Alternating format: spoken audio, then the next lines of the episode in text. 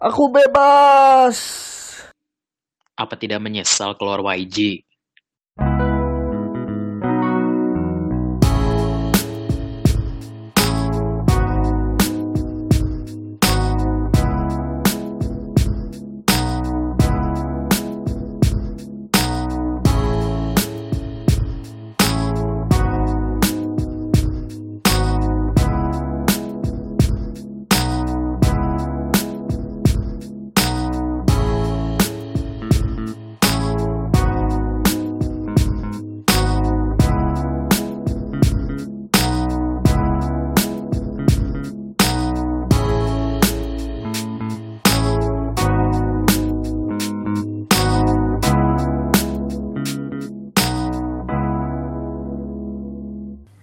Welcome to KWF Boys Podcast.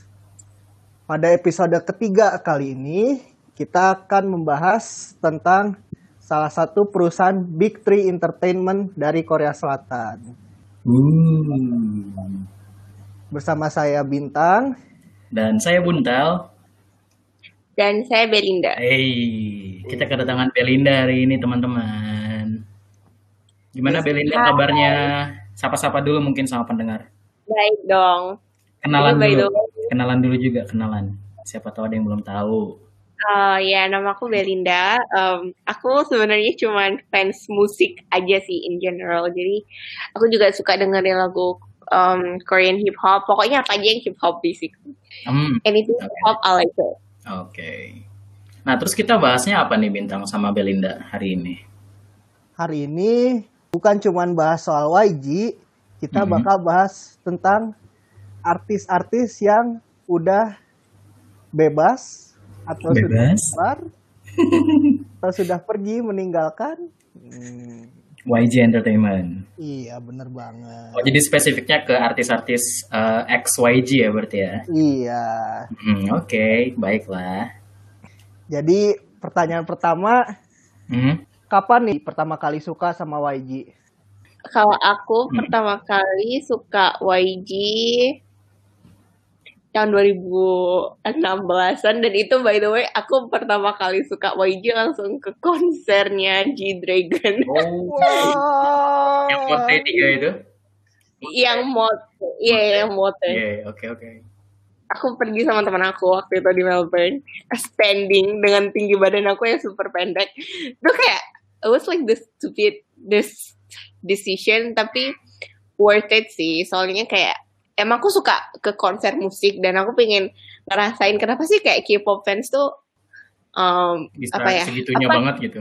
fansnya tuh kayak segitunya banget soalnya Hmm. kan kita kalau lihat um, musik Indo Barat itu kan mereka kayak ya udah mereka liris musik itu sesuka hati mereka Mhm, kayak nggak peduli fansnya tuh mau ke mana gitu mhm, betul. dan waktu perilisannya juga lebih nggak nentu Mhm. ya jadi aku pengen tahu aja gitu si kenapa kok ini tuh bisa hits banget. Ya udah terus aku pergi. Tapi kamu nonton G Dragon worth it sih pasti soalnya G Dragon tuh apa ya eh, aura panggungnya sama performance-nya tuh emang beneran keren banget gitu. Dia Eh, sebenarnya waktu aku ke konsernya tuh udah hujan kan jadi aku udah nggak mood duluan gitu. Terus dengan ditambah lagi aku nggak ngerti liriknya kan jadi aku kayak you know what? Aku kayak cuman stand here kayak kayak anak yang kayak nggak ngerti apa apa gitu. Cuman aku lebih kayak oh ya aku ngerti lah kenapa ngerti kenapa kok fansnya ini suka banget. Dan itu pertama kalinya aku ke konser yang semuanya orang Asia. Ah, oh jadi di sana jarang fans Caucasian gitu? Untuk aku sih aku nggak tahu ya Hmm. meskipun kan kita juga as an Asian kayaknya aku banyak kok lihat Asian community itu di luar negeri gitu kan Mhm, itu kayak wah gila sih Asian community is everywhere mhm. proud kalau yang itu tapi itu kayak pertama kalinya aku ke konser yang semuanya kayak wah oh Asian jadi kayak aku di tahun 2016 tuh ya, Bel. iya Terus uh, abis itu jadi suka sama YG atau spesifik ke beberapa artis atau gimana tuh ceritanya? Um, aku sih lebih suka ke YG in general aja sih Hmm. karena kan rata-rata produsernya juga cuman headnya satu aja kan Mhm. Itu juga mereka kayak karena aku emang suka musik hip hop jadi aku kayak ya udah deh aku coba dengerin mereka kayak anyway lagu-lagu mereka juga not too bad gitu lebih kayak apa ya lebih ke realita hidup gitu nggak yang cuman kayak oh kita harus kayak um, mengubah rasa sedih kita menjadi apa kesenangan gitu Hmm, ya gitu lah karena kan in life juga nggak semua tuh positif kan hmm. so So are you into Blackpink's music? Icon gitu, winner. um, kinda tapi Kinda. kayak lately yang rilisan akhir-akhir ini I just don't get it Oke. kayak musik videonya oke, it's very enjoyable Hmm. untuk didengerin buat dance kayak oke, it's really fun. Tapi like untuk personal connection kayak Hmm. aku kayak aku rasa kayak personal connectionnya nggak ada di situ sih. Cuman kayak aku nggak bilang musiknya jelek loh. Ya, ya, ya. I get Cuman- it, I get it. Ya kayak as in general kayak oh ini buat musiknya buat hype Hmm. hype vibe. I think it's okay. Tapi personally untuk connect with me personally kayaknya aku nggak bisa sih. Tapi ada nggak yang connect personally gitu untuk artis YG sendiri? Um, Satu atau dua gitu? mungkin aku suka lagu atau an artist. Oh, boleh, boleh lagu, boleh artis. Kalau aku sih secara orang, aku suka Song Mino sih, soalnya dia suka gambar dan kebetulan aku suka art Mhm, mhm, mhm, dan aku juga ya aku suka karena dia bisa gambar itu kayak multi talent lah. mhm, Um, terus siapa lagi ya? I think G Dragon, oke. mhm. Terus well, um, kayak menurut aku sih menurut aku rata-rata artis YG itu oke-oke semua kok, karena mereka apa ya mereka tuh lebih artsy gitu, jadi aku suka aja karena mereka artsy. Hmm, setuju, setuju, setuju. Tapi kamu suka YG di tahun 2016 tuh lagi downfall downfallnya YG tau? Ah, sebenarnya tahu nggak sih Apa? Kenapa? itu temen aku tuh tahun 2015 tuh sempat ke konsernya Big Bang Mhm.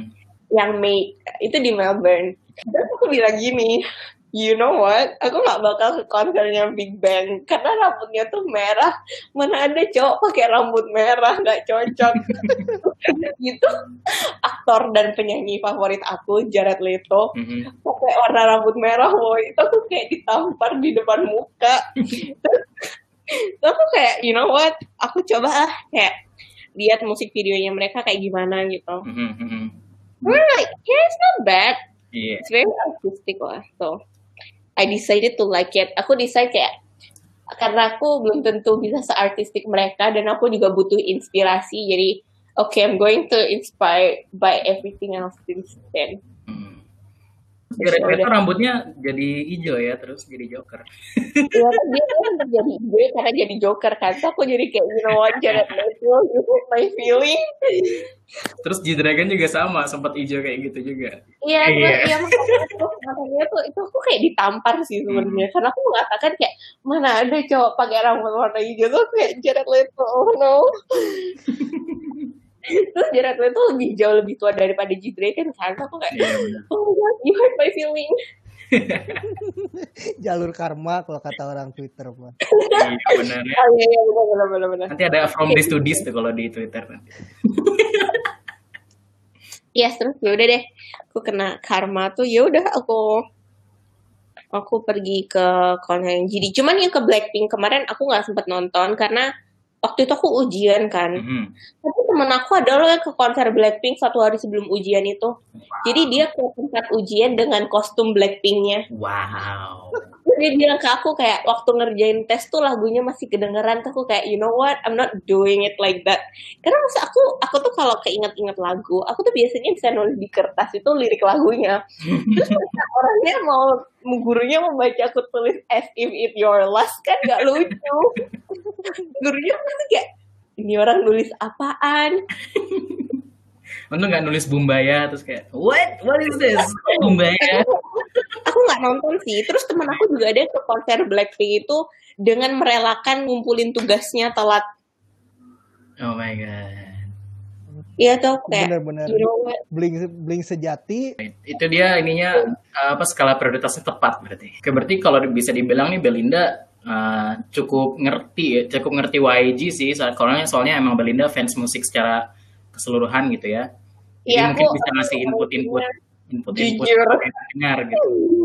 Iya aku sebenarnya sih kalau sama musik kayak misalnya ada uh, artis favorit aku yang lagunya nggak enak, aku bakal bilang lagunya nggak enak kok meskipun fans beratnya bilang enak, aku tetap bilang nggak enak sih. Eh, Ya dan mungkin bisa ngasih input secara artistik juga ya, soalnya bisa dibilang inilah orang yang bekerja di industri kreatif ya berarti ya. Ketang, apalagi nih yang mau ditanyain? Kalau kita berdua mah udah udah sering lah ngomongin gimana kita jadi K-popers ya bro ya. Iya. Kalau yang belum dengar ada tuh pilot episodenya, episode kita yang pertama banget. Mhm. Nah, Kebetulan eh, kalau gue sendiri emang ini ini Bel suka banget sama YG Entertainment. Kalau Bintang juga suka, cuman Bintang lebih ke arah JYP ya, Tang ya. oh, ada Hmm. juga sebenarnya suka sama YG tapi jalur ini jalur K-pop star. Oh, jalur siapa nih Ihai? Ya, Sama semua Akom. pokoknya aku tuh kerjanya tuh seneng banget nonton acara audisi, acara survi- survival gitu-gitu tuh seneng banget. Atau Bang Yedam. Bang Jadi, Yedam ya benar. Bang Kayaknya Yedam. semua yang semua yang dari K-pop star itu yang desain di YG itu dari Lihai, Mhm. dari Sunghun yang winner, Akmu, Bang Yedam, habis itu Katy juga K-pop Oh star. ya Katy ya. Katy, Oh ya, Katy juga bagus sih. uh, uh, terus ada juga Sama yang yang paling itu siapa sih? Si Kenapa? Moon siapa? Yang anak YG juga yang trainee Moon siapa sih? Moon. Sua. Moon Sua ya, Sua ya. Hmm. tua juga. Habis itu ada juga yang paling baru Dennis, terus debutnya di Secret Number sama Dita yang lagi Hmm. Hmm. Hmm. Ada juga tuh yang dari Survival Show Me The Money namanya Jewon. Tapi Hah? Yang mana? one One. one one. But One. Only re- released like two songs and then he's out. He's gone. And he's gone. He's gone. Yeah, he's gone. Iya gitu. Nah ini juga berarti nyambung nih kita bakal ngebahas mantan-mantan ya karena kemarin baru banget fresh from the oven kita ada Ihai keluar dari YG Entertainment dan dia memutuskan untuk masuk ke AOMG. Hmm. Kalau menurut Belinda gimana nih? Kayaknya banyak banget uh, Um, yang keluar gitu. Terus banyak juga yang bilang YG itu dungeon yang kayak artisnya tuh nggak dikasih rilisan uh, secara berkala gitu. Jadinya mereka nggak bisa mengeluarkan karya-karyanya. Gimana kalau menurut Belinda nih kira-kira? Kalau menurut aku sih perpindahan Lihai ke mana AOMG itu sebenarnya pilihannya tepat sih karena mereka kayak lebih ke in apa ya R&B yang underground gitu kayak lebih indie juga kayak gitu terus em, ya moga-moga sih emang dia lebih banyak ngerilis lagu gitu. Tapi balik lagi sih kak sebenarnya kan perilisan itu juga tergantung moodnya artis kan. Betul. kalau kita terus kan kalau misalnya kayak kita lihat lagi kayak ke industri musik barat kayak berapa banyak sih rapper yang nggak ngeliris ngerilis lagu selama bertahun-tahun terus kayak tiba-tiba ngerilis aja gitu kayak sesuka hati dia gitu. Betul jadi sebenarnya Hmm. jadi aku nggak melihat sebenarnya YG itu adalah dungeon karena musisi favorit aku sih sebenarnya juga ada yang ngeluarin kayak album lima tahun sekali guys itu lebih lama dari comeback yang kalian tunggu men lima tahun itu nggak tentu loh bisa kayak tujuh tahun kayak gitu dan kalau menurut aku sih Lihai emang cocok juga karena emang dia sering call sama Code Cons kan Mhm. salah satu produsernya tuh jadi eh, secara vibe juga AOMG kan nggak nggak terlalu beda sama YG ya. Jadi aku menurut aku sih dia milih agensinya benar gitu. Mhm. jadi Jadi nggak terlalu disayangkan lah. di recent interview juga Ihai malah ngomong gitu kayak "Eh, guys jangan pikir kalau misalnya gue tuh korban dari YG Entertainment kata dia tuh. Soalnya YG Entertainment tuh baik kok. Mereka tuh kenapa nggak kenapa aku jarang comeback katanya. Soalnya emang dalam satu tahun tuh YG cuma bisa ngasih comeback ke lima artis. Sedangkan Hmm. YG kan corporation juga pasti dia punya pertimbangan-pertimbangan mau comebackin siapa kan. Iya iya iya benar. Asal promosi ke semuanya. Tapi dibilangnya dia banyak belajar di YG gitu sih. Dan hmm. nggak tahu eh, aku nonton interview itu kayak oh ya that make sense. Dan kayaknya Ihai juga oh ya udahlah mungkin gue emang lebih mending keluar gitu jadi kayaknya eh, both parties are happy gitu nggak ada yang kayak hard, hard feelings. no hard feelings bener banget Iya, kan. iya. tapi emang cocok aja sih kalau emang dia pindah ke AOMG karena vibe-nya juga nggak terlalu beda lah kayak ada yang masih swag-swagnya gitu Ini Hmm, kalau menurut aku secara agensi sekarang emang mereka lagi ngejar ini sih popularitas Mhm. benar benar Iya, meskipun sebenarnya streamingnya tuh banyak dari Indonesianya. Benar Benar banget. kalau lihat di Spotify juga top listeners Jakarta Iya, ID aku aku aku ngerti. ya. But anyways, tapi sebenarnya mereka tuh kalau ka- aku menurut aku pribadi ya, misalnya kayak lagunya Blackpink itu kayak main songnya itu Hmm. beberapa tuh kayak udah mirip-mirip suaranya. Jadi aku ngerti kayak mereka akhirnya ngerti kayak oh target fansnya tuh suka musik yang kayak gini dan fansnya itu tipe orang yang harus memutar musik video. Mhm. Karena bisa latihan ngedance juga kan kalau lihat nonton musik videonya gitu. Hmm. Nah itu like targeting target buat ke situ sih. Aku nggak bilang musiknya jelek loh. Mhm, yeah, that's menurut aku beat tracknya tuh lebih bagus. setuju. Kenapa? Kenapa beat tracknya nggak dijadiin main song gitu? Kayak oh ya kalau buat ngedance kayaknya kurang deh. Terus kayak nggak terlalu yang on your face yang bisa kayak oh my god we made headlines or whatever gitu. Karena kayak overall I think that their tar- their target itu sukses gitu. Terus kayak kenapa nggak comeback nggak comeback cepet-cepet ya itu balik lagi ke marketing gitu kan. Hmm. Kalau fansnya semakin menunggu semakin menunggu kan mereka bakal balik nonton video yang lama-lama kan. Betul. Mereka kayak oh ya view-nya tambah banyak. Kenapa? Karena emang ya nggak ada video lain yang ditonton. Yoi, Blackpink tuh videonya viewsnya banyak banget tuh semua MV-nya. Iya dan Bener. aku lihat kayak dan aku lihat fansnya tuh gercep sih. Iya benar. Benar benar. benar. I don't know why but kudos to you guys. I mean like it's not a bad thing tapi kayak tapi menurut aku fandom tuh juga bisa jadi toxic ya menurut aku. Karena kayak apa ba- apa um, perang views misalnya kayak aku nggak ngerti loh itu. Yeah, Kayak, what's the itu- point? Like what's the Iya. point, right? Uh, I know. What's the point? Ah, ya. Tapi tapi aku tetap enjoy musiknya sih. Aku kadang lebih dengerin ke Spotify. Hmm. Tapi itu emang ini sih, eh, ya that's the thing about K-pop aja sih. Emang K-pop tuh dinikmatinya nggak cuma musiknya doang sebenarnya. Dinikmatin Hmm. dari visualnya juga, dari mereka di variety show. Makanya MV tuh kayak plays a big part of it gitu. Mereka tuh kayak kalau kita lihat bandingin sama artis luar gitu ya, K-pop itu budget buat music videonya kayaknya gede banget, beneran.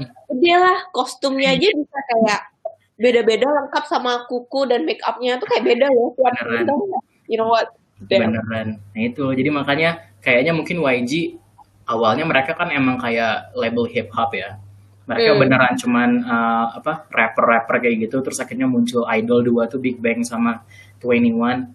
Yang dulu juga sebenarnya mereka nggak idol esque banget gitu. Mereka kayak breaking breaking the stereotype of K-pop idols gitu kan. Cuman mungkin di sini kayaknya mereka udah mulai kompromi kayaknya dan jadi kayak YG udah punya warnanya sendiri makanya bisa mereka di win di winner icon sama di Blackpink jadi lebih ngidol lah. Kalau aku bilang sih gitu. Oh iya iya ngerti ngerti. Jadi Tapi kayak kita nuntut nuntut nuntut nuntut mereka untuk jadi kayak Balik. hip hop banget nggak bisa sih. iya Hmm. iya sih. Tapi kayak winner tuh juga menurut aku nggak terlalu idol banget sih. Ya, Karena- dia, dia tuh YG. Tapi mereka udah agak dibandingin sama yang sebelumnya. Iya kayak mereka kayak somewhere in between. Aku juga kayak gak ngerti. Kecuali like I'm very into their solo work. Karena aku lebih kayak misalnya lihat kayak their artistry. Mhm. Hmm. Makanya aku lebih suka ke solo artist daripada grup. Karena personally aku gak terlalu terinya kalau in one group gitu. Kayak menurut aku kayak terlalu kompleks kadang. Mhm. Karena Iya. di K-pop tuh kan nggak semuanya songwriting kan. Jadi aku kayak bingung gitu. Kan karena kalau misalnya ditulisin orang, meaningnya tuh pasti beda kan sama Benar. interpretasi Benar kita. banget. Jadi aku lebih suka solo karena mereka lebih apa ya Lebih info keluar sama warnanya gitu. ya ya ya lebih keluar warnanya. I don't know like how to explain it, but Tapi kayak maksudnya lebih kayak Hmm. kelihatan gitu loh kayak kerjanya. lebih personal juga sih. Nah itu mungkin bedanya YG Entertainment Iya. sama yang luar juga sih. Banyak yang bilang kan kalau misalnya ah, apa ya idol selain YG, tapi nggak nggak nggak terbatas di YG. Sekarang udah mulai banyak Nggak juga yang ini. Mereka nggak self produce, mulai jadi banyak. beneran semuanya udah diatur, udah dibikin sedemikian rupa. Jadi idol tuh kayak semacam apa ya produk lah mungkin kasarnya. And I don't think it's a bad thing. Now don't get me wrong. Kayak that's K-pop Iya, stuff. I, that's I get it gitu. Dan itu emang keren sih. Jadinya mereka beneran high quality kan. Beneran semuanya on the Iya. spot lah semuanya. Tapi ya jadinya nggak ada personal artistry yang tadi kamu bilang itu mungkin mereka nggak dapet. Dan mungkin itu yang bikin Belinda tertarik ya sama YG ya. Karena mereka emang rata-rata self produce sih. Dan kalaupun nggak diproduksi sama mereka, mereka turut andil gitu. Nah, terus uh, balik ke topik masalah mantan artis YG nih, Tang. Berarti kita bisa dibilang uh, hampir setiap uh, grup di YG itu ada yang keluar pasti ya. Dari winner. Ada Nam Taehyun keluar. Di Icon ada BI keluar. Di Big Bang kemarin Seungri keluar. 21 juga ya? 21 tuh yang keluar duluan siapa sih? Minzy keluar Minzy. gitu. Apakah ini ada sesuatu atau gimana gitu? Ya, itu mah gimana ya? Kita nggak bisa ngelihat secara keseluruhan sih harus balik kasus per kasus ya. Ya sih, tapi- ada lagi, ada lagi pertanyaan yang lain nih. Kan Oh ya udah udah nggak apa-apa nih apa? Di YG itu ada juga Gila. sebutan Iya, buat iya. company stan. Hmm, ya benar benar. Sebenarnya nah aku pengen nanya nih, kalian company stan itu kalian stan artis-artis YG, kalian stan perusahaannya atau kalian mungkin stan itu Papa YG? Stan Yang Hyun Suk. Oke, kalau aku aku jawab ya. Kalau Iya. aku sendiri eh, bisa dibilang aku Stan YG sih. Tapi Stan YG-nya mereka tuh lebih ke vibe-nya mereka, lebih ke business decision-nya mereka, artistry decision-nya mereka gitu. Jadi kayak misalnya kan kalau misalnya nih Oke. eh, misalnya ya, kayak aku pengen bikin eh, perusahaan entertainment gitu. Aku bakal ngambil vibe-vibe kayak YG gitu. Bakal be- dibebasin artisnya buat berkarya segala macem. Menurut aku keren aja sih, keren banget gitu. Eh, di, di apa? Di luar YG yang Hyun Sok itu bisnisnya shady atau segala macam ya. Itu.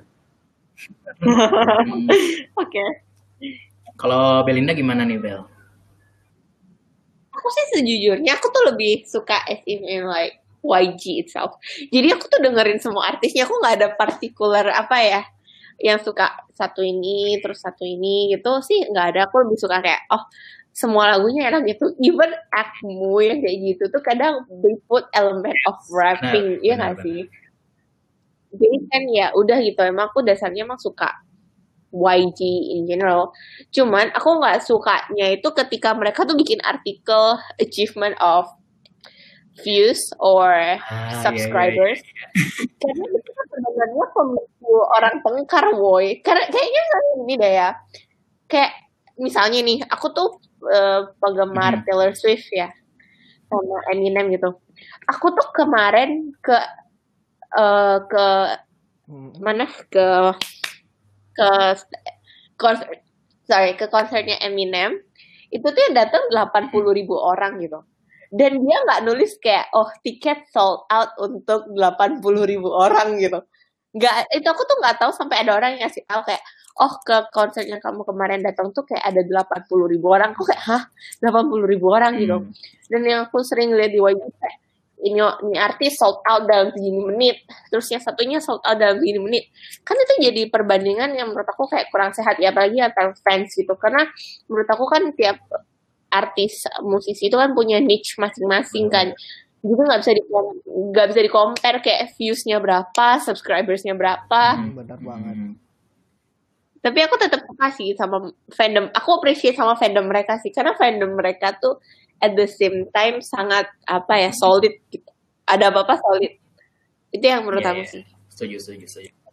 lebih solid dan bayangin kalau misalnya pertengkaran Taylor Swift dan Kanye West itu K-pop dan antara K-pop.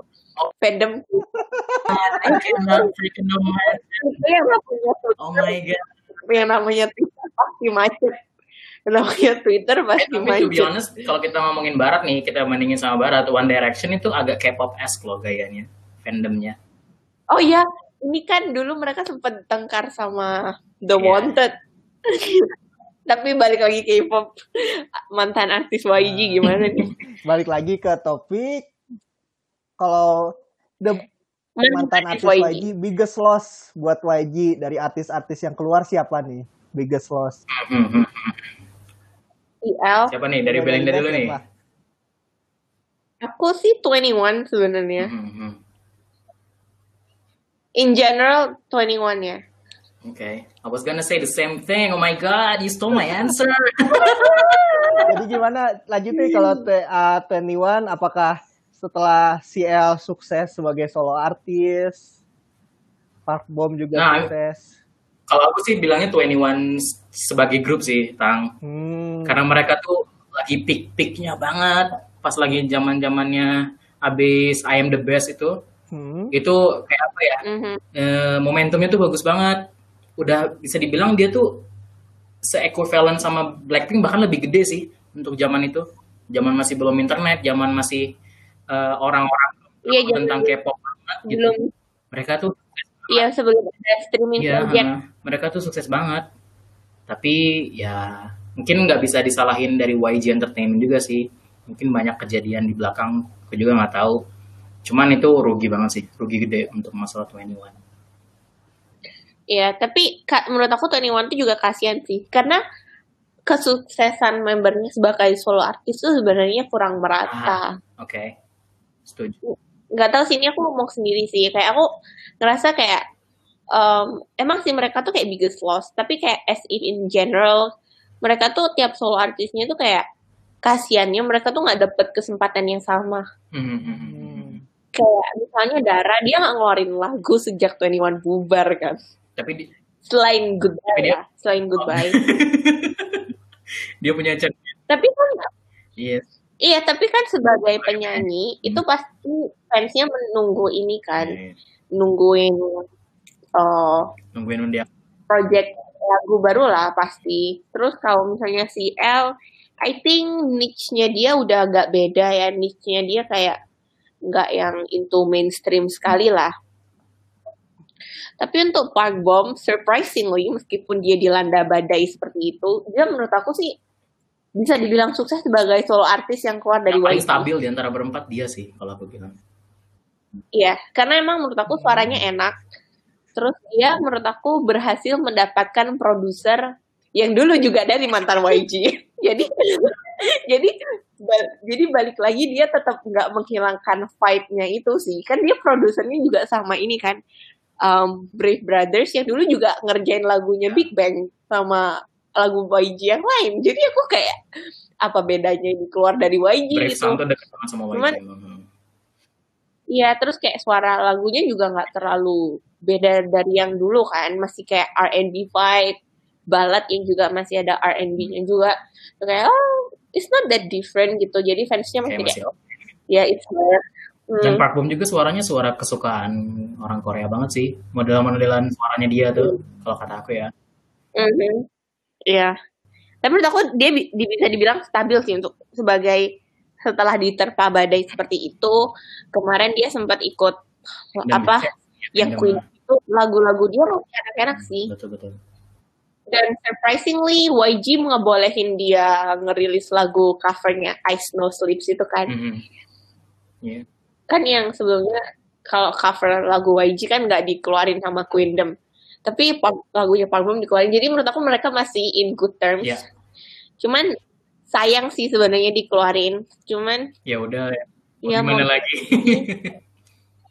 Cuman yang paling aku kasihan dari CL, Park Bom, sama Minci, Minci Hmm. sih.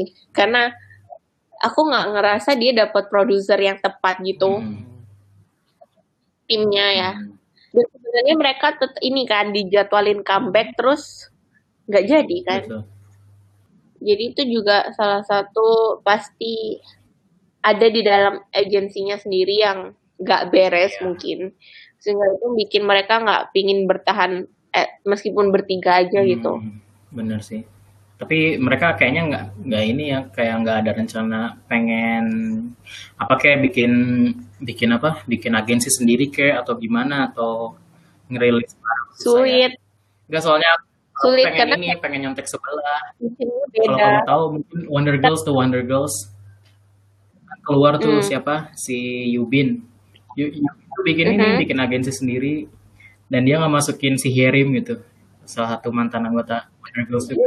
CL, Ya, lama-lama maksudnya mereka ada rencana kayak pengen balik gitu jadi kayak ada harapan kalau Wonder Girls kalau kalau 21 tuh kayak udah aja gitu soalnya mereka tahu mereka tuh bisa stand alone meskipun nggak ber nggak Ooh, bersama-sama. not think of that. Bener juga ya. Swag juga tuh. Mereka Oh, mereka gue bisa kayak- sendiri gitu. Kan, soalnya kan artisnya YG itu lebih punya personality yang kuat kan. Jadi pasti itu kayak itu yang di itu yang di itu sebenarnya bekal dari YG yang paling mahal sih. Karena artisnya tuh meskipun stand alone dia tuh bisa berhasil. Hmm, bener bener bener. Iya sih Iya, setuju. misalnya nih kayak sebenarnya sih eh, yang kasihan juga tuh Nam Taehyun sih soalnya gaya musik dia itu di Korea nggak terlalu banyak yang suka dia pakai kayak ala-ala ini kan kayak British band siapa yang dari Liverpool itu? Liverpool. Liverpool. The Verve bukan. Oh, Oh, the The Beatles, Beatles. Oh The. Beatles. I forgot the biggest band in the world, the Beatles, okay. Itu kan kayak ini banget kan. Ini kan kayak uh, very indie gitu kan yang nggak semua orang suka gitu. Jadi aku kayak ya aku kasihin Hmm. aja sih. Tapi dia sebenarnya di di scene-nya dia sendiri Nam Taehyun naik sih. Maksudnya eh, ya emang niche-nya kan bukan orang umum gitu. Tapi dia Iya, dia emang orang umum. sih ya apa ya. Terkenal lah. Maksudnya orang-orang pada tahu sih. Pada tahu siapa? South Club Iya. pada tahu. Tapi dia sempat ini kan kayak sedih, sempat depresi Iya lagi sih. kan. Dia juga dari zaman masih di Winner sih itu dia emang ada problem. Iya. Tapi aku nggak tahu sih. Ini menurut aku ya YG tuh tahu mana yang perlu dipertahankan, mana yang enggak. Hmm. Jadi kayak kebaca gitu, mana yang bakal dikasih apa lagu terus untuk menaikkan eh, popularitas agensinya dan artisnya tuh sendiri, tapi nggak melibatkan semua grup, itu kayak kelihatan banget gitu. Yang di itu tuh kayak kelihatan banget, kayak aku sampai kayak nggak ngerti itu kayak I think it's sad untuk grup yang nggak semuanya tuh punya image-nya rata. Kayak Blackpink itu kan semua image anak-anaknya rata kan. Jadi kayak maksudnya strong presence-nya mereka tuh rata gitu. Big Bang juga sama rata. Icon itu rata juga. Tapi kayak winner yang very stand on point tuh cuman kayak satu dua Mhm. orang Benar. gitu. Ya I feel sad. I don't know why. Aku kayak I feel sad karena ya gimana ya kayak mereka pasti pengen berkembang sama satu grup gitu kan. Tapi sadly yang very stand itu kayak cuma satu dua orang. Nggak semuanya itulah nggak nggak satu dua orang sih tapi nggak semuanya rata gitu loh. Eh tapi aku dulu tahu winner gara-gara Song Mino. Song Mino keren. Aku tahu Song Mino duluan daripada Hmm, winner. Song Mino keren sih. Nggak nggak bisa dipungkirin itu. Keren banget. Pakai banget. Tapi tapi tapi tapi balik lagi sih sebenarnya menurut aku YG seharusnya lebih rata dalam memberikan kesempatan dalam grup Hmm. winner gitu. Yang rata, Hmm. yang rata. Ya itu problem Jadi- boy band sih kayaknya to be honest One Direction also ya kena hal yang Tapi One Direction ini sih rata sih menurut Iya sih rata. Cuman ada satu yang pengen aku ngomong gini gitu ya. nih. Itu sebenarnya winner juga kayak gitu setahu aku ya. Winner itu Oh kan iya. kayak kalau nggak salah si Nam Taehyun tuh memutuskan untuk keluar karena dia tidak sejalan sama eh, sama YG sama membernya. Dan kalau yang aku lihat ternyata bener setelah Hmm. Nam Taehyun keluar, musiknya Winner tuh jadi kebentuk banget. Jadi kebentuk Iya sih lebih ke Ya. very pop. Dari yang sebelumnya sangat sangat apa ya sangat beneran menye-menye banget gitu tentang sedih-sedih kayak gitu. Kayaknya itu lebih Nam Taehyun banget sih. Winner se- winner pas emang zaman Nam Taehyun gitu kan. Nah terus apa abis keluar itu ini sih yang rada up sebenarnya tentang winner pas abis Nam Taehyun keluar dia memutuskan untuk uh, mengajar musiknya yang band itu sendiri yang di mana nyata itu baik-baik aja sama YG si Jaewon tuh mau dimasukin dan itu ternyata bener si Wan Wan itu dimasukin ke winner. Uh, Ya, no, kalau nggak salah apa ya tapi aku takut salah sih. Kalau nggak salah itu be- apa nyata ada yang nge-confirm gitu kalau itu tuh bener gitu. Rumor. Ya, itu agak Oh, up. really? itu up Tapi- di YG sih ya. Tapi itu kayak awkward nggak Oh, sih kalau misalnya kayak awkward lah. Awkward terus nanti pasti kayak terus kayak eh fansnya Iya, pasti makanya nggak jadi lah. sih untungnya mereka berempat ya kayaknya right decision juga sih Iya sih, tapi mereka sekarang I think mereka pastinya ada improvement. Cuman tetap aja mungkin nggak tahu sih untuk manajemen nggak tahu. Eh, Kasihan aja sih kayak kemarin itu. Mereka juga sering nggak dapet comeback juga kan. Oh ya. Tapi artis mantan artis YG yang lain itu banyak loh tapi sebenarnya yang aku suka sih kayak Hmm. Wesung itu juga menurut aku Rain dia juga bagus B, sih Rain juga bisa dibilang mantan YG. Tapi zaman dulu masih Rain kan Siapa? si B itu kan sempat masuk YG bukan sih Tang? Ini Enggak, bintang nih. Anak, anak tua. enggak enggak, iya. JYP ya? Eh JYP deng. YG. Salah gua. Yang yang YG mas, yang YG mas, yang, JYP. yang, yang YG mas ada namanya Seven dulu. Oh iya, oh my Rain. god. Eh, gua Sama-sama sama-sama berotot, sama-sama itu ya. sama jogetnya R&B R&B 2000-an gitu cuy. Iya bener deng Seven ya. terus ini pernah dengar ini nggak sih namanya Soul Star itu dulu sempat Soul di Star YG juga dengar tuh. Soul, Soul Soul the City or Soul Soul Jiwa? soul, soul jiwa. Soul Star Oke. Lu pernah YG tuh. Hmm. dia dia dulu sempat masuk YG juga gitu sebelum YG go totally mainstream ya terus juga ada grupnya dia tuh namanya Keep Six Hmm, hmm. tapi tapi kelihatan sih dari zaman dulu mereka aimingnya hip hop sama R&B Yes. itu udah kelihatan jadi aku nggak kaget kalau misalnya mereka sekarang kayak eh, ada Black Label terus Ada ada YGX. Ada YG. Hmm. YGX Ada dulu ada Playground. terus ada ada apa lagi dia Iya, dia bener. punya label banyak Ada kan yang apa eh, modeling juga ya YGK Plus.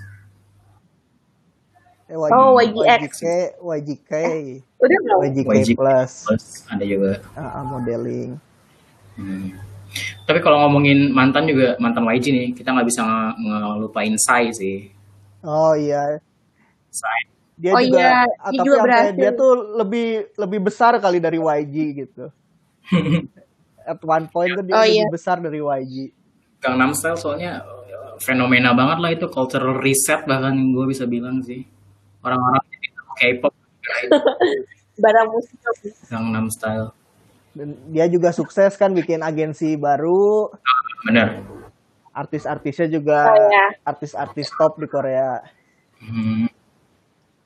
Dan aku rasa agensinya Psy itu very Hmm, YG bener, vibe bener. sih Bener-bener. Setuju. kayak dia juga mainly into Iya. hip hop juga kan Iya. Esa itu rapper Dia kan penyanyi sih, ya? lebih kayak penyanyi pop. Tapi sambil joget gitu. Dan itu yang terkenal banget dia tuh di Korea dari zaman dulu. Orang-orang pada tahu dia dari Gangnam Style, padahal dia dari dulu tuh terkenal banget padahal. Emang konser-konser tapi kan dia tapi kan saya pernah di interview tuh pernah bilang kalau dia tuh tahu Gangnam Style tuh one hit wonder gitu loh. Dan dia dia nggak bisa bilang kayak dia nggak pernah berharap kalau misalnya lagu dia tuh bakal Hmm. segede itu lagi. Karena dia tuh nggak bukan kayak artis atau grup yang apa ya yang comeback every Hmm. yang udah dijadwalin gitulah jadi itu kayak dia ngertiin itu. Jadi dia kayak nggak pernah mau bikin kesuksesan yang lebih Gangnam Style karena nanti itu bisa bikin Hmm. dia pressure emang Tuh, how kayak- to gitu. eclipse a song like that anyway, right? Hmm. So, Iya, very, itu very big loh sampai uh, atlet aja menari itu itu kind of like what? bener sih YG. Terus Kata- ngomongin ngomongin apa lagi nih Tang? ngomongin nah tadi kan yang suk- yang sukses abis keluar YG ada juga waktu itu pernah rame di Twitter pas keluar YG kalian pada rame bebas dari bebas dari dungeon tapi pas artisnya keluar YG kalian gak support gitu Hmm. Sering sih, bener. Mm-mm. Itu itu sering. sih. Misalnya kayak Minzy itu juga Iya. nggak terlalu support CL kan? juga sih, to be honest. Ya. CL juga Siapa? pada nggak terlalu Oh ya, surprisingly loh dengan follower CL yang lebih banyak Hmm. daripada Park Bom, itu aku kaget kalau viewsnya Park Bom Iya. lebih banyak daripada CL. Terus terang. Meskipun aku nggak nggak peduli views, tapi Park Bom itu waktu comeback Hmm. namanya charting loh. Maksudnya di chart music, iya itu tuh kayak banyak uh, yang nyari. Hmm.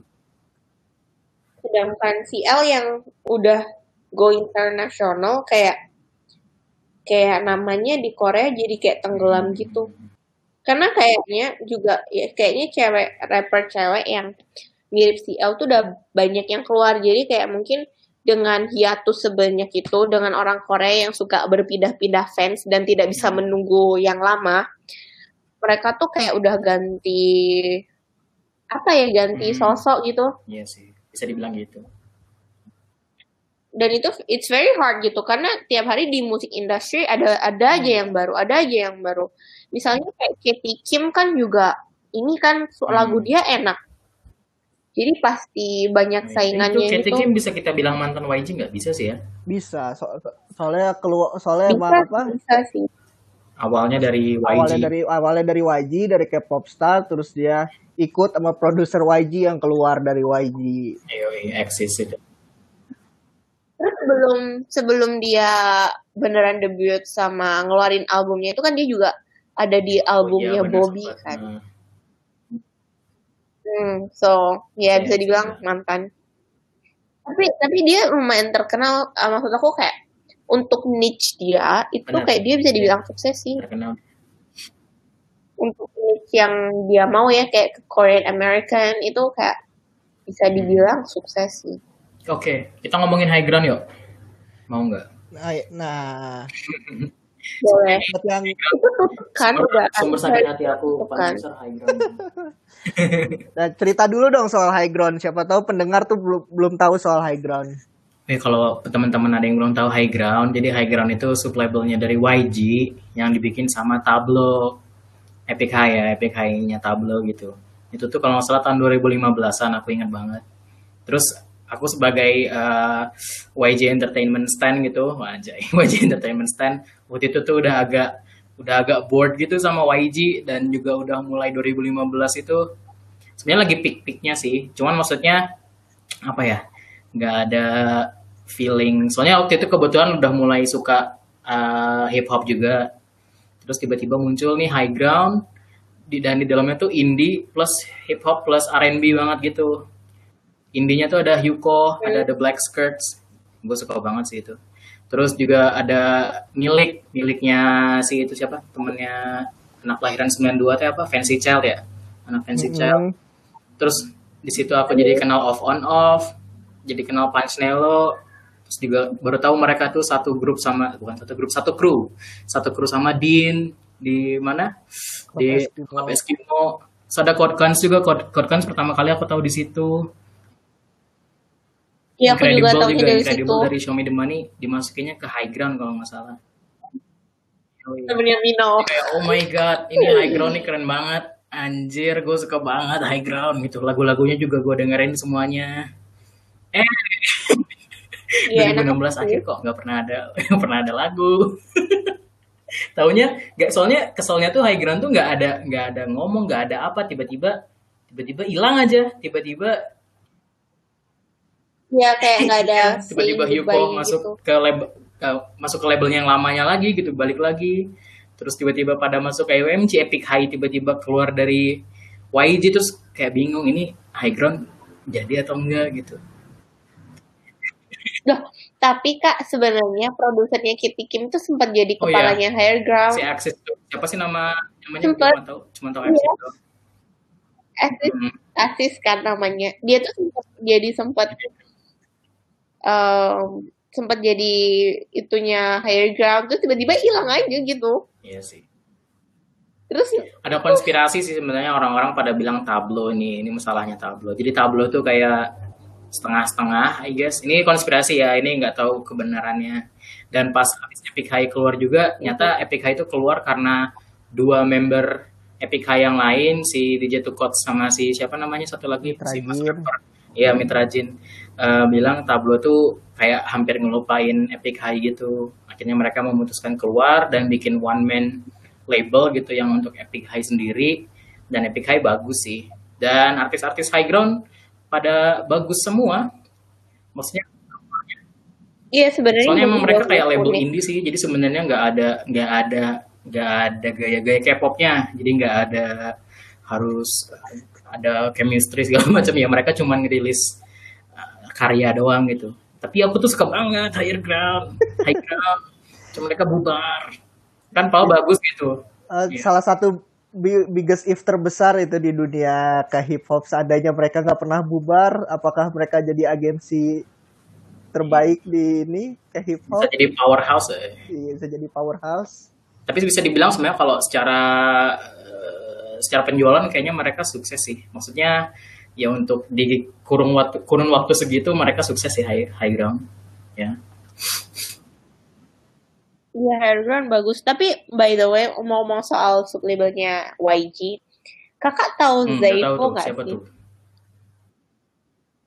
Dia tuh salah satu artisnya YGX dan suddenly he's gone. Aku nggak tahu sih kenapa dan nggak ada kayak pernyataannya itu. Kenapa nih artis tuh Oh. keluar gitu loh. Jadi kayak padahal sebenarnya Oh, it's not that bad. you ask you ask about him the other day Iya. in the- Iya itu kayak tiba-tiba hilang gitu kan. Terus nggak ada kayak kenapa dia hilangnya itu nggak ada. Kayak ya udah dia hilang aja gitu. Padahal he's not that bad. Jadi aku mulai mempertanyakan apakah tidak baik dalam menjadwalkan artis itu adalah milik semua sublabelnya juga. tapi YG, YGX tuh kayak ini tau. Tapi- kalau kataku kayak apa eksperimental gitu.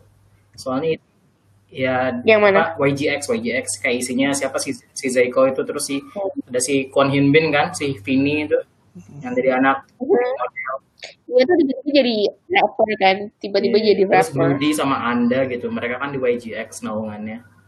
Dan Y- Oh, Hmm. terus pokoknya sekarang itu karena waktu itu G Dragon lagi wamil, kayaknya semua artis yang nggak terlalu terkenal feature-nya Mino. no offense, no offense guys, no offense. Tapi mereka tuh nggak sempet kan yang beberapa waktu lalu Mino tuh mesti jadi featuring artisnya siapa gitu. Kayak cuman buat naikin views tuh kayak what the hell? Very smart tapi kayak you know what? Hmm, Yang kebaca ya, I know. guys. Eh Awal. tapi kalian lupa ya YGX siapa CEO-nya YGX tuh gak ada. CEO-nya yang aku bingung. ada yang pernah nga- nga- ngasih ada yang ngepost Instagram tahu nggak siapa Bukan ini ya, bukan. Dia tuh ini apa CEO-nya Seungri iya dulu Seungri kan Oh, anak DJ really? tuh gue inget itu di merge Nah, disatuin sama YG dibikin YGX makanya itu ke- kalau aku bilang kenapa jadi nasibnya nggak jelas kayaknya YGX gara-gara itu deh. Blue D juga sekarang jadinya kayak anak YG jadinya jatuhnya. Diuploadnya di channel YG iya sih. Tapi YGX kan emang nggak punya Oh, iya, channel sendiri. cuma ada Academy ya? Anda, oh iya masih di Anda- YG ya? Hmm. Iya itu kan Y, Anda kan juga diuploadnya di YGX. Eh, di YG Iya. websitenya YG. YGX kayaknya nggak jelas deh nasibnya Tapi gini, tapi banyak yang masuk sekarang terus jadi kayak ada aktornya tuh kayak what what's going tapi on. ada X Academy sih itu masih jalan tuh masih keren tuh Oh itu masih keren agak sih. nyanyiin one itu million keren. gitu kayaknya one million dance Academy Terus studio mereka bagus gitu. Kayak very Terus artistic. YG itu bagus ya, apa? Karena mereka punya X Academy itu, jadinya sekarang anak-anaknya kayak kemarin Icon sama si Mino tuh pas dance practice di di tempatnya X Academy. Biar sekalian promosi. Ya. Tapi bagus sih eh, menurut aku. Tapi yang menurut aku yang paling bagus itu kalau sub, sub labelnya YG itu black label sih. Nah, ini sekarang harapan saya hanya ada di Black Label sekarang. Playground Sudah nggak ada. Iya kan mereka well managed, artisnya sedikit tapi kayak well managed gitu loh. Soalnya mereka semua beneran ini sih kayak back to basicnya YG banget yang di mana mereka semua emang produser, emang bikin lagu gitu. Dan mereka juga fokus untuk idolnya fokus ke satu orang doang, di mana yang si satu orang ini si Somi juga dia kayaknya tertarik buat produce sendiri gitu. Keren.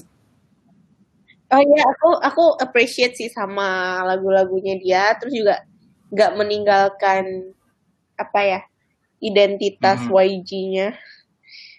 Dia juga tetap masih ada swagnya, tapi dia juga ini sih emang pinter um, bikin lagu juga, jadi udah fansnya banyak, dia bisa produce lagu sendiri, Hmm. jadi cocok Dan deh. kemarin juga Somi sempat eh, di vlognya dia gitu, dia kayak ngebikin apa ya klarifikasi yang bilang kenapa YG kok ngeluarin lagunya dikit gitu orang artis-artisnya. Nyata karena emang dibikinnya tuh sangat detail oriented banget mungkin dan emang sangat belajar gitu bikin dari scratch gitu kayaknya ya.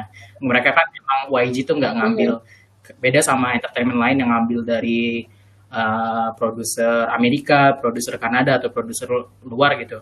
Kalau YG kan beneran semuanya dibikin di dalam rumah kan, walaupun itu sama produser juga ya semuanya dibikin di gedung itu gitu. Iya, iya, iya. Tapi menurut aku tuh yang paling uh, aku appreciate sih dari YG karena emang mereka nggak lagunya tuh hype di luar, tapi emang mereka tuh nggak bikin produser sama you Mhm, orang mhm. bule gitu. Iya. Jadi tuh kok kayak itu di situ aku appreciate. Sekalinya kolaborasi sama luar jadi featuring gila sih keren. Zaman-zaman dulu G Dragon sama Diplo, terus juga sempat sama Missy Elliott Hmm. cuy. Like Tapi kan Miss Elliot itu kan emang di album Mm-mm. G Dragon sendiri. ya maksudnya karena apa ya? Tapi kalau udah mau ya berarti udah bagus. gitu mungkin I don't know. Elliot. Ya, tapi keren. Aku suka sih kalau mereka produce sendiri karena kayak ya emang kelihatan emang produknya. Soalnya in my opinion kalau misalnya produk K-pop itu orang-orang Korea juga yang harus bikin baru bisa dibilang itu kayak true K-pop Oke, ngerti oke. sih? Ya, I, I can agree with that. Bener-bener. No offense, tapi kan mereka bilangnya K-pop kan Mhm. Korean music pop. Jadi kayak ya aku emang appreciate YG kenapa ya itu tadi karena emang produsernya tuh emang dari Korea. Terus bikin lagunya emang dari mereka Jadi aku kayak oh ya got it kayak mereka emang Korean Oke, aku star bakal ngasih ini nih, bakal ngasih argumen lain. Orang-orang tuh banyak yang justru bilang ya, Bel, kalau misalnya YG itu yang ngebikin K-pop jadi agak Americanized, jadi agak bau-bau Amerika. Soalnya kalau aku nggak ngebawa ini ya, nggak ngebawa produsernya orang Korea atau enggak. Cuma zaman dulu tuh eh, lagunya K-pop itu kayak ada warnanya sendiri banget gitu, kayak K-pop banget. Oh, iya? zaman zamannya Shiny awal-awal, zamannya itu kalau aku bilang mereka tuh agak J-pop, agak Jepang-Jepang zaman 2000-an, zaman 90-an, tapi di tweak gitu jadi jadi punya warna sendiri yang namanya K-pop awal-awal tuh. Nah, terus Oke. muncul YG nih. YG tuh Amerika banget dari awal juga. Jadi ngikutin. Emang mereka produsernya justru mereka produsernya asli orang Korea. Cuman mereka apa namanya Iya, gaya iya. musiknya eh, ngikutin eh, mainstream Amerika banget gitu. Dan tip- jadinya fokus sekarang agak Iya. ngikutin ke situ jadi pada mulai ngikutin formula-formula itu. Dan banyak yang bilang sekarang tuh jadi jadi fake gitu. Apa nggak jelas batas antara mana yang K-pop mana yang kayak soalnya K-pop sama lagu lagu luar tuh udah mirip, udah suaranya udah sama gitu. Aku nggak bisa itu bilang 100% salah sih. Cuman Ya, ini, ini dua, menurut dua aku dua K-pop itu kayak Gak apa-apa beda opini asik. kayaknya sekarang itu K-popnya itu lebih di-upgrade gitu. Jadi kan mereka dicampur J-pop Hmm. ini sukses kan awal tahun 2000-an. Tapi kan mereka juga tetap target musik Jepang dong. Dan sebenarnya lagu Jepang itu nggak Hmm. nggak terlalu jelek loh. Kalau kalian nonton ini yang nyanyi eh Hmm. Teriyaki Boys. Teriyaki Boys itu zaman dulu sebelum ada internet, mereka tuh udah collab sama Kanye West, Yoi. sama Pharrell Williams. I wonder if you know. Hey, who Jadi- doesn't know that? Who doesn't know that shit? sama ya sama Ya. Busta Rhymes itu yang udah legend kan zaman itu dan that song Tokyo Drift itu sampai sekarang meskipun udah 20 tahun Hey, it's still on it's still dope it's also a meme. Dan It's a aku meme rasa- also. ya it's meme also gitu. Dan orang-orangnya sebenarnya dia yang dari grup itu masih bisa dibilang sukses loh. Mhm. Nigo terus Terrible Ambush. Dan masih hidup gitu nama mereka. So I think mereka K-pop lihat itu kesempatan jadi ya udah elemen American pop sama J-popnya di elevate lagi. Jadilah K-pop yang sekarang. Karena kalau kakak lihat ya orang-orang Jepang tuh kan kalau pakai baju Yes. very on your face kan dan itu kan kelihatan sekali sama kostum K-pop gitu sebenarnya Hmm. Hmm, setuju. Wah ini asik banget pembahasannya nih. and I don't Asik banget. luas luas. Terus terus lanjut Bel. Iya, jadi kayak I think ya udah gitu I think itu itu informasi yang paling sempurna gitu soalnya kalau misalnya lihat orang US punya baju ya it's kind of like boring. It's stuff that you can get from store terus ya udah gitu. Sedangkan di Jepang kan kayak zaman dulu kan it's very streetwear kan. Terus coba mereka juga bikin kostumnya sendiri kan. Siapa yang mau dandan kayak teriyaki boys zaman dulu? It's kind of like weird. Tapi sekarang it's kind of like cool. Yo, Ya, everybody makanya- wears Babe lately, man. Babe new. Uh, ya sih, baby itu kayak seragam teriyaki boys. Iya sih itu kayak pakai seragam teriyaki boys Migo, and the gang. jago sih emang. Tapi the thing about Japanese market ya, mereka tuh pasti beli CD tau. CD tuh pasti Oh, di Oh Jepang. iya tuh. Makanya kayak orang Korea eh, apa entertainmentnya pasti pasti kayak mostly bikin versi Jepang atau segala macam atau oh pasti di push market di Jepangnya tuh. Yoi. Push Tapi lucu tuh kemarin eh, Jepang sempat agak loyo kan, eh, K-pop. Terus tiba-tiba Cina tuh nggak ngebolehin masuk tuh Tiongkok apa dari K-pop nggak boleh masuk. Akhirnya Jepang di Jepang dikebut lagi sama sama orang-orang itu lucu sih. Loh, tapi ngomong soal Japanese market nih, um, zaman dulu Big Bang kan kalau ngerilis album Jepang pasti album lagunya baru kan. Sekarang kayak albumnya tinggal ditranslate gitu, jadi ya kind of like sad. Tapi untuk sedikit keluar dari uh, YG, tapi sekarang uh, BTS tuh kalau ngeluarin lagu Jepang beda gitu dari album Koreanya, jadi ya kind of like want to listen to it karena aku Hmm. ingin compare. Itu kan Big Bang sempat ini kan ngeluarin beberapa lagu yang gak ada Korea bahasa Koreanya gitu. Jadi itu kayak it's kind of like special, tapi sekarang not anymore karena mereka terus kayak tinggal translate gitu. Dan kadang beberapa musik videonya tuh di lip syncnya nggak sama. Soalnya dub tuh kayak Remember aku those days, man. Iya, aku jadi kayak pingin lihat yang lama-lama. Soalnya lagu Jepang mereka juga Hmm. not too bad Ya pas kok. 2015 ke sini mereka bikin musik videonya agak niat Bel. Jadi kayaknya mereka syuting tuh langsung syuting dua bahasa gitu kalau yang aku lihat. Like they use the same costume and they dance the same Iya. thing but they sing different. Iya kecuali kalau misalnya rapnya ada yang bahasa Inggris itu kayaknya mereka syutingnya beda.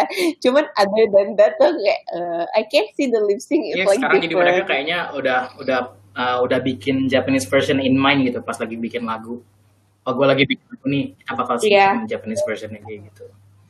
Iya, Ya makanya it's kind of like that. Iya nggak sih kak? I don't I know. I guess. Menurut aku. Sekarang juga Twice tuh jadi Twice karena emang naik banget sih di Jepang. Mereka jadi bikin lagu khusus Jepang segala macam. Iya. Oh I appreciate it though karena sebenarnya marketnya mereka tuh sebenarnya dari top streaming Spotify itu Asia loh. Jadi kayak I think a good thing untuk Yes. fokus di Asia market. Dan orang Asia di mana-mana tuh ada gitu. Di US tuh banyak banget orang Asia. Di Australia juga banyak Yoi. banget orang Asia. Who runs the world? Asia. Oh ya, Asians run the world now. ya lah pastilah orang Asia kan ada di mana-mana gitu. Coba misalnya kakak ke mana pun pasti ada Chinatown Betul. kan. Pasti. Jadi I think it's a good thing gitu untuk me- ke ke apa ke market Asia. Tapi bukan berarti waktu aku bilang it's my first time ke konser itu totally Asian semua. Tuh dibilang wah bohong dong Oh, ternyata. Iya, iya. YG gitu. I don't know, I don't know karena personally itu kayak aku lihat sendiri dan itu kebanyakan di Australia aku lihat yang datang tuh orang Asia.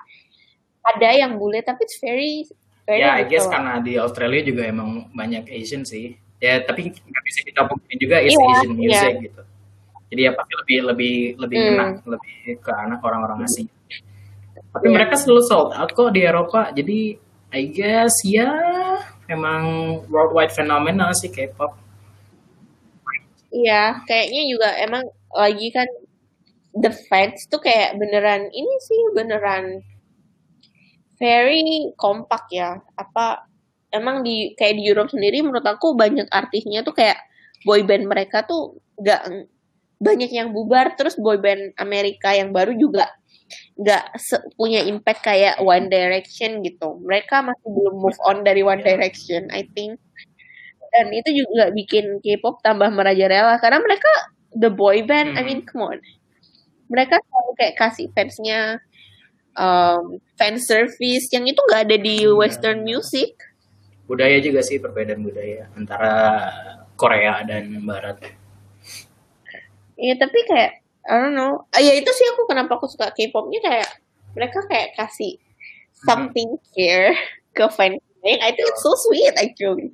Meskipun meskipun aku nggak sampai ikut fansign ya, tapi menurut aku tuh Yeah. quite sweet. Aku setuju sih, I like K-pop as a culture and also as a apa ya industri gitu. Mereka industrinya keren aja sih, walaupun ya ada yang bilang toxic segala macam. Dan I also agree with that uh, apa dengan argumen itu, tapi ya keren. Iya. Tapi tapi ini menurut kakak nih uh, mantan artis YG yang paling sukses untuk di YG. marketnya siapa?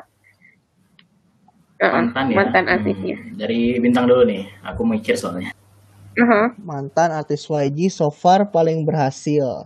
Hmm. Kalau dari segi sebagai penyanyi mungkin Mhm. Gami, tahu Gami nggak? Nah, Oh, iya. Baca gimana sih Gami, Gumi? Gami, I guess Gami. Gami. Nah, dia tuh penyanyi solo, penyanyi balad, penyanyi lagu-lagu Queen of Oz macam-macam sampai meskipun sejak keluar YG sekarang gabung sama si Jen, Mhm. dia tuh tetap tetap aja gitu, tetap aja apa? Tetap sukses tetap sukses dalam bidangnya dia, dalam rilis lagunya juga tetap konstan. Iya, Ga- Gami itu kebenaran ini sih. Apa namanya? eh OST banget ya. Iya, terus naik konser juga di konser juga di dom, di stadium, sold out, tetap meskipun dia tuh di fans internasional, terutama yang lebih muda itu nggak terlalu kedengeran, tapi dia tuh sukses termasuk yang suksesnya tuh stabil gitu, bukan one hit wonder, bukan cuman gara-gara satu lagu dia terkenal tapi terus aja dari tahun 2000 sejak dia keluar YG sampai sekarang tahun 2020 tuh terus aja keluar terus musiknya gitu sebagai Hmm. musisi. Tapi kalau yang paling berpotensi sih kata aku BI sih Hanbin. Oke, oke. Dia tuh paling berpotensi ke depannya. Apakah soalnya semua nunggu-nunggu nih nggak cuman fansnya apakah dia bakal gabung agensi agensi si agensi mana pun yang sign dia tuh bakal jadi trending topik itu tuh udah udah pasti. Hmm. Terus apakah dia bikin agensi sendiri? Dia juga pasti kalau bikin agensi sendiri pasti tetap juga jadi trending topik juga pasti. Ya, capable ya, capable banget sih. Hmm. untuk bikin Gitu sendiri. Soalnya dia tuh keluar pas lagi dia lagi peaknya sebagai artis, sebagai produser, sebagai songwriter kan. Jadi oh, semua orang tuh Mhm. apalagi nih dia masih nyimpen lagu, masih di harddisk dia ada berapa lagi nih lagu nih.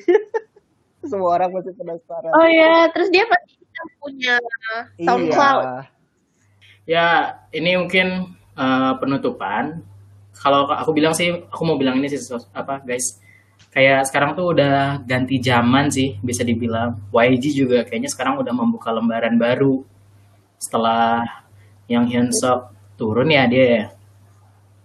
Mungkin kita bisa expect something different from YG. Jadi kayaknya kita mending gak usah bawa-bawa mindset lama gitu kayak oh aku inget masih inget zamannya ini, zamannya itu aku rindu pas masih ada sih ini ada sih itu gitu. Kalau kata aku mending kita ya blank sheets aja gitu buat ngelihat YG Entertainment ke depannya. Nah, eh sebenarnya K-pop juga sih. Ya in general maybe segala hal sih kita tuh jangan terlalu eh, Nostalgia, nostalgia. iya, soalnya nanti malah sakit hati sendiri. Ya enggak? Sakit hati. Mm-mm. Ada closing statement mungkin anjay closing statement dari teman-teman. Eh, oh iya, jangan suka ngebandingin grup yang lama juga. Kalau misalnya banyak kan yang compare, oh ini lagu mirip lagunya ini yang lama gitu. Well, ya iyalah yang ngerjain satu produser, men. What you guys expect? Kayak capek lo dengerin kayak kayak gitu. Kan yang kerjain juga cuma satu orang gitu. Pastinya, apa ya, soundnya pasti mirip-mirip. Jadi jangan suka compare itu juga. Karena pusing. menu-menuhin quote, menu-menuhin ini apa? Search aku yang di Instagram itu for something yang aku nggak ngerti. Dari bintang ada pesan kesan atau closing statement. Udah tang. Penutupnya belum. Kalau dari aku, uh, ini penutupan juga mungkin ya buat teman-teman. Uh, kalian bolehlah menjadi fans bagaimanapun konsep kalian menjadi fans gitu. Tapi harus tetap ingat gitu tentang batasan-batasan atau apa ya sewajarnya norma-norma yang berlaku. Soalnya hmm. sekarang banyak yang mungkin nggak nyadar kalau misalnya yang terjadi di internet itu juga kenyataan gitu. Lagi mungkin aku mau agak serius dikit. Sekarang udah ada undang-undang yang ngatur itu semua, udah ada undang-undang ITE kalau di Indonesia. Jadi harus uh, mulai dijaga etikanya di internet. Mungkin kita kebawa zaman dulu, oh kita anonimus nih di internet, tapi udah nggak bisa kayak gitu sih kalau kata aku ya. Ya, tetap sehat hmm. ya semuanya. Terima kasih Belinda. Terima kasih kakak Asik banget semua. ini pembahasannya tadi kita beneran agak menyeluruh nih. Belinda beneran insight-nya banyak banget. Eh. oh my guys. Aku yang jujur ya, jadi aku kalau aku nggak suka kalau ada war-war karena aku dukung semua hati sama. Mungkin hmm.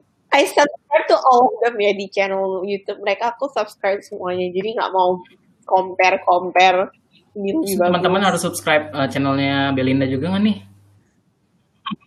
oh my god jangan malu malu ya Belinda nih oh lumayan cukup ini dia nih artis guys eh, dia artworknya aku pernah lihat Belinda bagus-bagus banget Shout ke Belinda, teman-teman bisa follow Instagramnya. Gue lupa Instagram lo apa sih Bel? Instagramnya apa? Yohana Belinda ya. Di Twitter juga bisa follow ya. Sama juga Yohana Belinda ya. Aku ganti semua nama aku by the way karena banyak yang menertawakan nama aku sebelumnya. Itu blog the the oh. the what? I forgot. Uh, aku dulu aku dulu aku dulu suka pakai ini um, label yang hmm. dikasih ke aku. Aku nggak tahu sih kenapa mereka manggil aku aneh atau aneh gitu pokoknya. Jadi ya udah aku pakai itu aja tuh aku mikir kayak I don't think semua yang dibilang aneh itu bisa something bad. Jadi I just use it. Tapi tuh aku malu. Jadi udah gak ada tuh si blog okay. kamu itu yang Oh, uh, blog aku masih ada. Aku aku sempat nge-upload yang artis-artis lama YG termasuk yang sama sekali nggak pernah didengar hmm. publik kayak Keep Six hmm. itu nggak pernah kan. Terus So Far juga nggak pernah. Aku sempat taruh itu di blog tapi udah lama nggak nggak update karena sekolah. ya pokoknya shout out ke Belinda teman-teman. Follow aja kepoin aja Belinda atau mungkin bisa kenalan sama Belinda. Terima kasih banyak buat teman-teman udah ngedengerin. Wuh ini cukup panjang nih hari ini kita. Jangan lupa jaga kesehatan. Uh, mungkin tungguin kita episode berikutnya ya Tang ya. Iya. Jadi kalau ada kalian ada ide buat episode berikutnya atau kalian mau ikutan episode berikutnya, Kak, aku mau ikutan dong episode berikutnya tinggal kontak ke kami aja. Aku di Twitter tang underscore underscore kira. Kalau aku di Twitter kemarin akun yang kemarin aku lupa passwordnya sama lupa. Email. Jadi kalau teman-teman yang nge-follow di Pisang Sate bisa ganti ke akun aku yang sekarang aku di Afname. Ya, sekali lagi terima kasih buat teman-teman. Sampai jumpa di episode berikutnya. Dadah. Bye bye. Dadah.